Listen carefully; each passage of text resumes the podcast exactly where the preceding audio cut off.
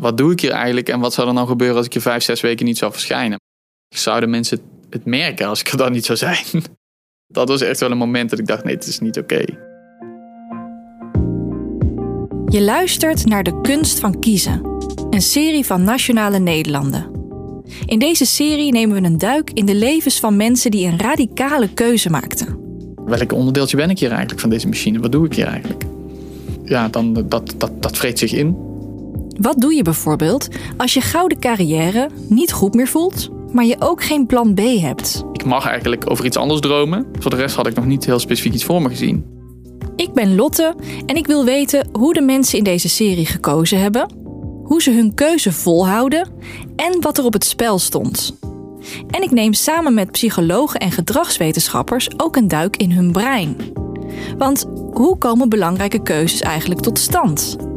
Wat gebeurt er dan in je hersenen? En hoe kunnen we betere keuzes maken? Ik ben op een bedrijventerrein in Wageningen.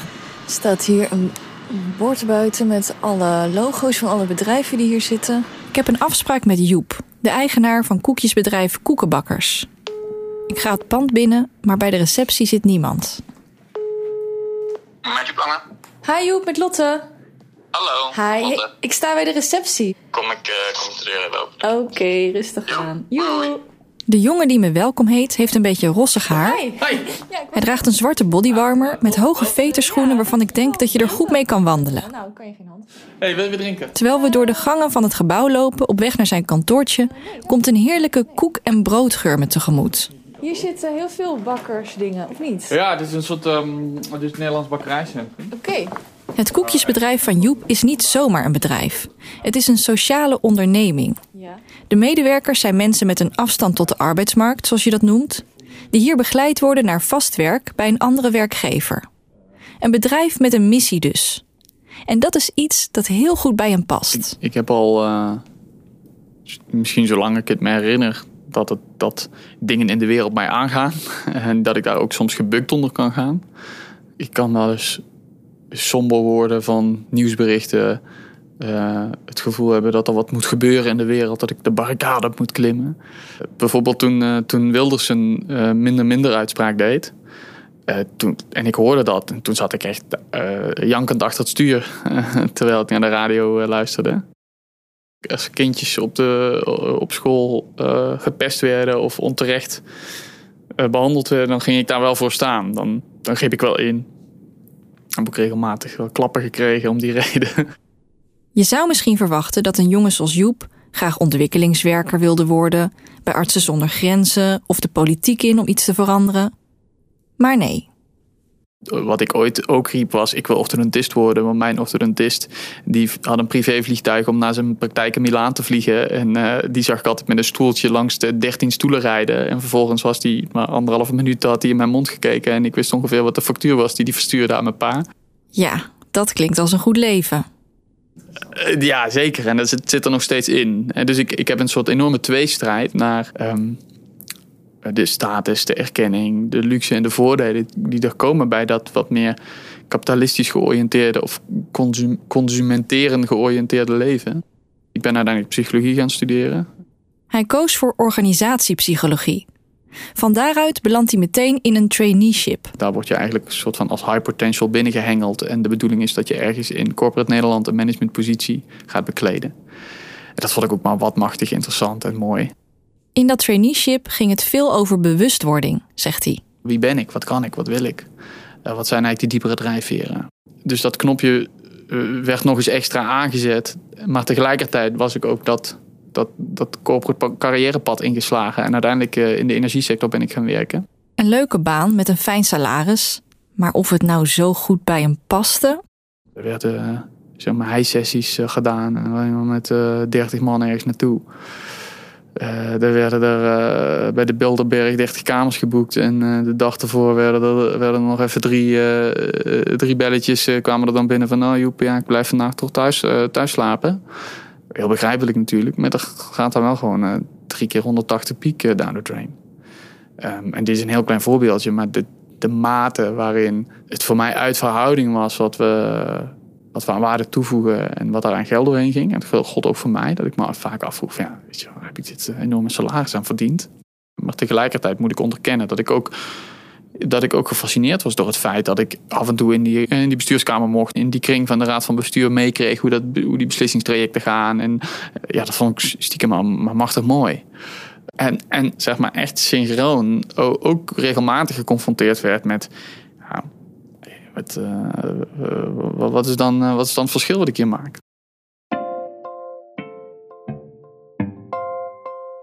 Als Joep terugdenkt aan die periode, heeft hij het over een steen die hij bij zich droeg. Geen echte steen, maar een metaforische. En die steen ging ook vaak over schuld. Dus voeg ik wel voldoende toe eh, ten opzichte van die dingen die ik ook zie gebeuren in de wereld. Maak ik voldoende verschil. Eh, en, en dan wordt dat, die steen wel echt groter. Die, die ligt bij mij echt dan, dan op mijn maag. Ik, man, ik heb van alles gedaan. Ik, heb ook wel heel wat uh, zeg maar, therapeuten en, en, en personen gezien ik heb wel eens met mijn vriendin letterlijk een baksteen ingepakt. Zeg maar ritueel proberen te zeggen: oké, dit is de zwaarte die ik bij me draag. En die steen in de sloot geflikkerd.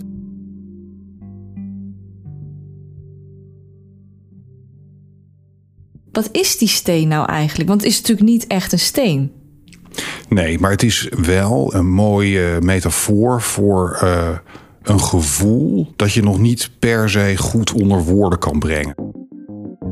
Je hoort hier een expert en dat is Frank. Ik ben Frank van Hardenveld en ik ben hoogleraar sociale psychologie aan de Universiteit van Amsterdam. En volgens Frank is zo'n steengevoel helemaal niet raar. Het heeft zelfs een wetenschappelijke naam. Een beroemde Amerikaanse uh, onderzoeker Antonio Damasio, die spreekt in die context over de somatische stempel. Nou, dat klinkt als een heel eh, esoterisch boek of zo, maar wat, wat, hij, wat hij daarmee bedoelt is dat de beslissingen die we nemen, dat die in sterke mate bepaald worden door, uh, door lichamelijke cues, door, door signalen van ons lichaam. Als je mensen keuzes uh, laat maken in het laboratorium en heel vaak dat herhaalt die keuzes laat maken, dat je de voorkeuren van mensen in hun lichamelijke reacties al terug kan zien. Voordat ze kunnen uitleggen waarom ze iets kiezen, geeft het lichaam al aan wat ze gaan kiezen. Wow, dus uh, je lichaam is dan eigenlijk slimmer dan je geest? Nou, ik, ik, zou niet die twee dingen uit elkaar willen halen. Het is wel zo dat dat gevoel uh, eerder komt. Kijk, en we, we, er wordt ons op een bepaalde manier ook aangeleerd dat we een mooi verhaal moeten hebben. Hè? We willen graag dingen kunnen uitleggen. Maar uh, ja, heel vaak uh, gaat, dat, gaat dat gevoel daaraan vooraf. Zo'n somatische stempel kan je dus misschien wel een hint in de goede richting geven. Maar ja, dan ben je er nog niet. Ook al heb je een steen in je maag, een keuze maken is niet altijd makkelijk. Ga je weg of blijf je en maak je er het beste van? Kijk, het, het, op het moment dat je blijft zitten, dan maak je eigenlijk geen keuze. Dan kies je eigenlijk voor de passiviteit. En als je kijkt naar, het, uh, naar onderzoek naar spijt, waarin mensen ook bevraagd zijn op uh, late leeftijd, waar ze het meeste spijt van hebben, dan hebben mensen op, op lange termijn, dus hè, op latere leeftijd, vooral spijt van de dingen die ze niet hebben gedaan. Maar op korte termijn hebben mensen vaak meer spijt van de dingen die ze wel hebben gedaan. Als je nadenkt over uh, hoe voel ik me over een jaar, nou, dan zou je misschien wel eens meer spijt kunnen hebben van dat wel doorbreken van de sleur. Maar als je zo meteen uh, oud bent en terugkijkt op je leven, dan is het misschien beter om wel de, de gok te nemen. Omdat je anders toch ja, geneigd bent te denken: oh, had ik maar.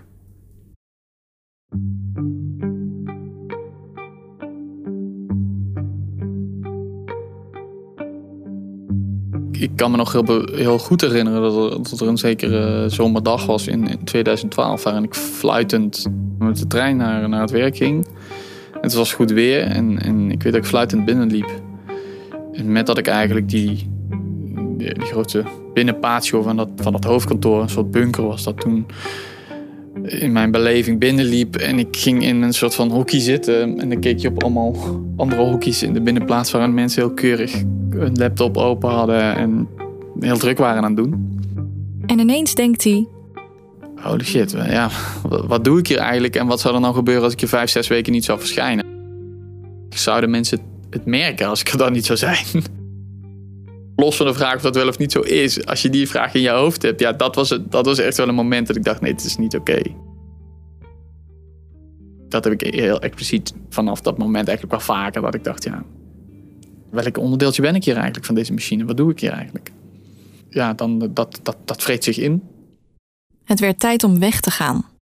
En ik ga ook niet meer terugkomen. Eh, dit is echt definitief. De vriendin van Joep had al vaker voorgesteld om langere tijd op reis te gaan. Dus ze besluiten om dat nu te gaan doen. Joep neemt ontslag en ze maken samen een plannetje. Wij hadden wel gerekend van ja, wat heb je ongeveer nodig? Dus ik ging daar niet helemaal uh, onvoorbereid naartoe. Maar we hadden wel degelijk een probleem. Want we wisten ook van ja, als we terugkomen, dan is het geld op. Maar tegelijkertijd er zoiets van ja, dat zien we dan wel weer. Ik had toen nog een kleine hypotheek en uh, nog geen gezin. Um, ik had heel graag het huis zelfs ook willen verkopen. En gewoon alles, alles achter me laten. Gewoon kijken wat er gaat gebeuren.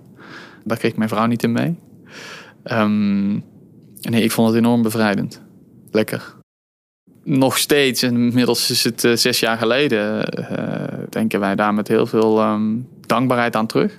Hoe tot rust je komt, hoe mentaal, maar ook zeg maar lichamelijk je je rust vindt en klachtenvrij wordt, bijvoorbeeld. Uh, was bij mij heel duidelijk. Ik heb heel veel last gehad van eczeem als babytje al. En uh, nou ja, dat was uh, na een maand of drie op die reis gewoon helemaal weg. Hij kwam dus tot rust op die reis, genoot zich een ongeluk. Maar daar bleef het niet bij. Er waren een paar momenten van helderheid. En dit was er eentje. In Iran kwamen bij een soort woestijngebied aan. En daar hebben we uren rondgereden tot, tot we ergens in de middle of nowhere waren. En het was schitterend mooi. Een tent opengedraaid en nog even naar de sterrenhemel gekeken.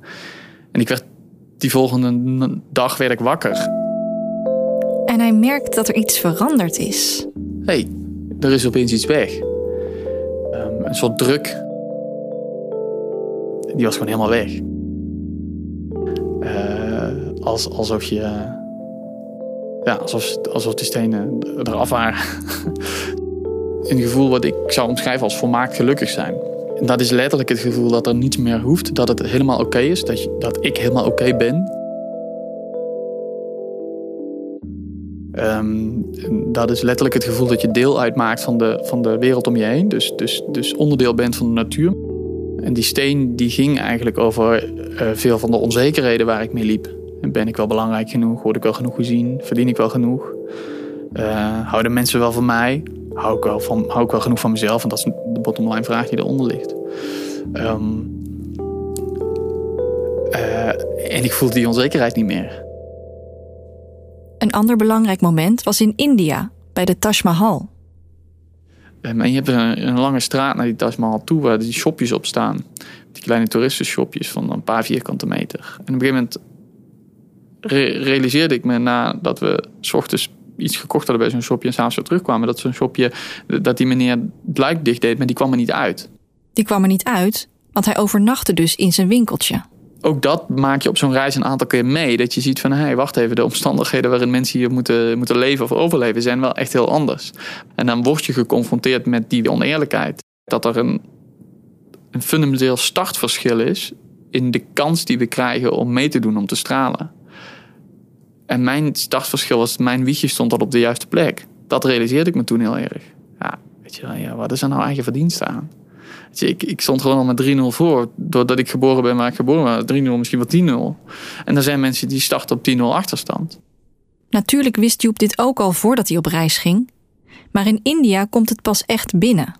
Daar is er geen ontsnappen aan. Je voelt dat je bevoorrecht bent. En je moet, je, een, je moet een modus vinden om je daartoe zien toe zien te verhouden. Het is toch eigenlijk waanzinnig dat, dat, dat we dat niet iedereen die middelen krijgt om de potentie die in zich heeft zitten, om, om dat aan te boren. Hij noemt dit zelf weeffouten. Ja, dat, zijn, dat, zijn, dat is erin geweven. Dat is op een gegeven moment ingeslopen. En het is heel moeilijk om dat, te, om dat te veranderen, want dat is een heel samenhangend systeem. Je kunt niet, je kunt niet in één keer zeggen, ja, we doen het helemaal niet meer. En het is erin geweven en we zullen het er ook weer uit moeten weven.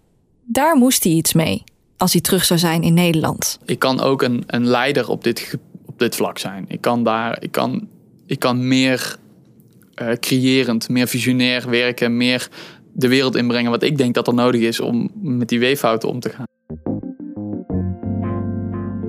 Veel mensen die, die komen op vakantie tot het idee dat het allemaal anders moet. Volgens Frank heeft dat te maken met psychologische afstand. Dan zie je bij wijze van spreken de bomen. Elke dag is een boom, zeg maar. Terwijl als je uh, wat meer uh, afstand daarvan neemt, dan zie je meer het bos. En dan raak je ook meer gericht op lange termijn doelen en waarden die je kan hebben. Wat vind ik nou belangrijk? Wat wil ik met mijn leven? Bij uh, Joep was het zo dat, dat ongelijkheid voor hem ook uh, altijd wel een, uh, een thema was. Maar dat stond een beetje, toch een beetje on the backburner, zo gezegd. Dat stond toch een beetje op de achtergrond. En, en wat, ben je op, wat moet je elke dag doen? Hij moet naar zijn, werk, hij moet daar dingen doen van zijn baas. En hij heeft gewoon ja, de, de alledaagse korte termijn doelen waar die, waar die zich op moet richten. Maar daar in India en uh, ook in Iran, hè, dat, dat is ook zo'n situatie. Waar, daar heb je meer, uh, meer afstand tot die korte termijn doelen. Uh, meer aandacht daarmee voor de lange termijn doelen. Dus is het dan een goed advies voor mensen die een keuze willen maken... dat ze op vakantie moeten gaan?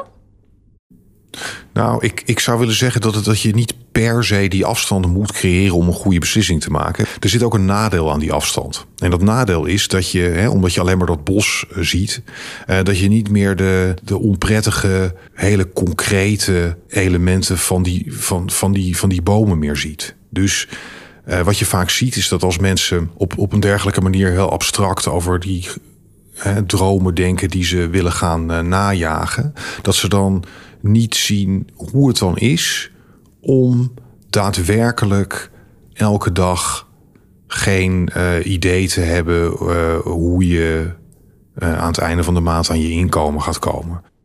Oké, ook een beetje bij de realiteit blijven dus. Als je het dan allemaal anders wil, hoe gaat je leven er dan concreet uitzien?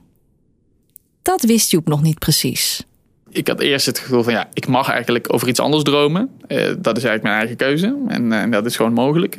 Ik wil iets doen met die inclusie, met de, de, de kans om je eigen potentieel aan te mogen spreken.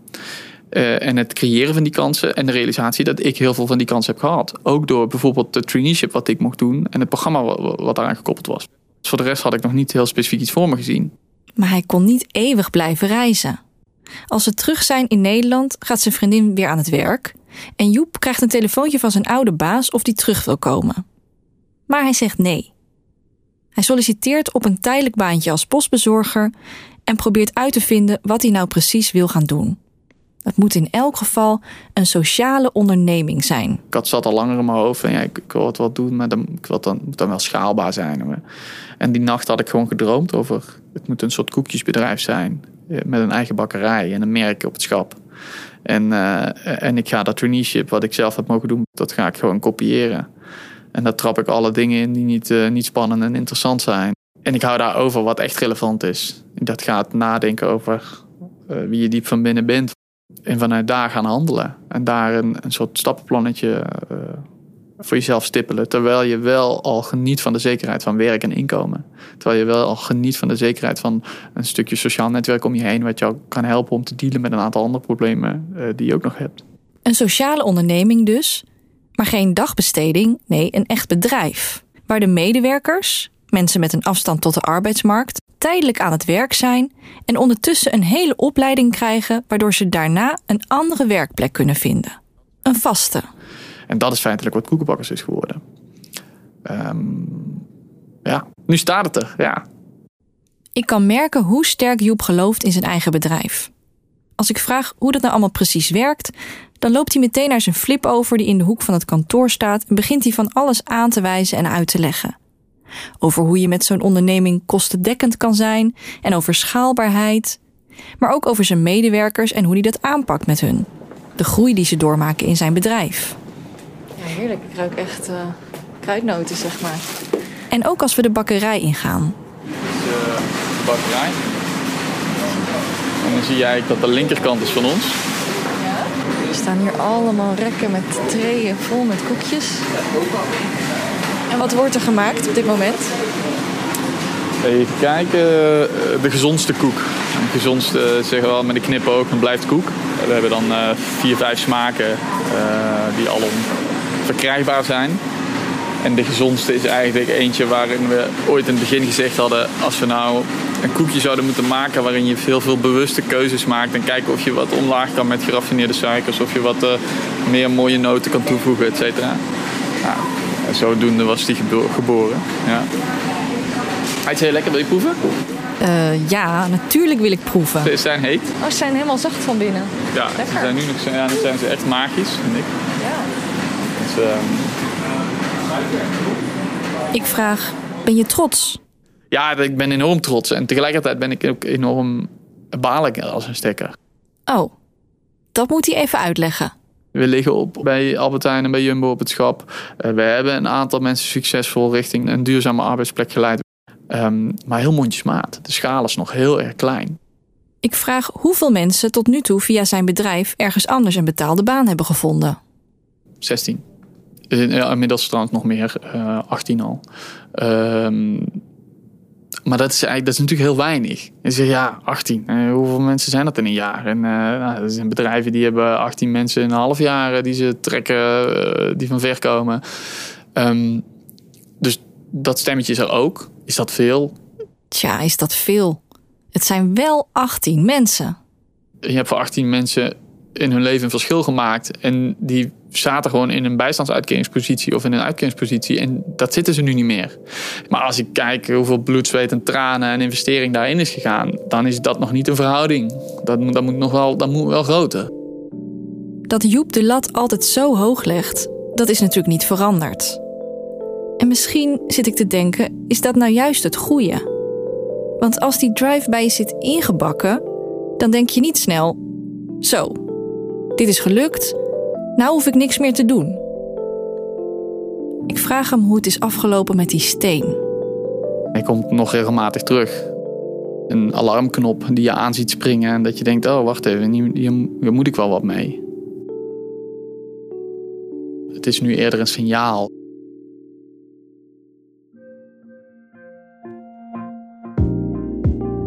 Je hoorde het verhaal van Joep. Heb je genoten van dit verhaal? Abonneer je dan op De Kunst van Kiezen via je favoriete podcast-app. De Kunst van Kiezen wordt gemaakt door mij, Lotte van Galen, voor Nationale Nederlanden. Omdat Nationale Nederlanden wil inspireren om de keuzes te maken die jouw dromen laten uitkomen. Wil je meer van dit soort verhalen lezen? Of wil je weten hoe Nationale Nederlanden jou kan helpen met grote keuzemomenten? Kijk dan even op nn.nl slash de kunst van kiezen.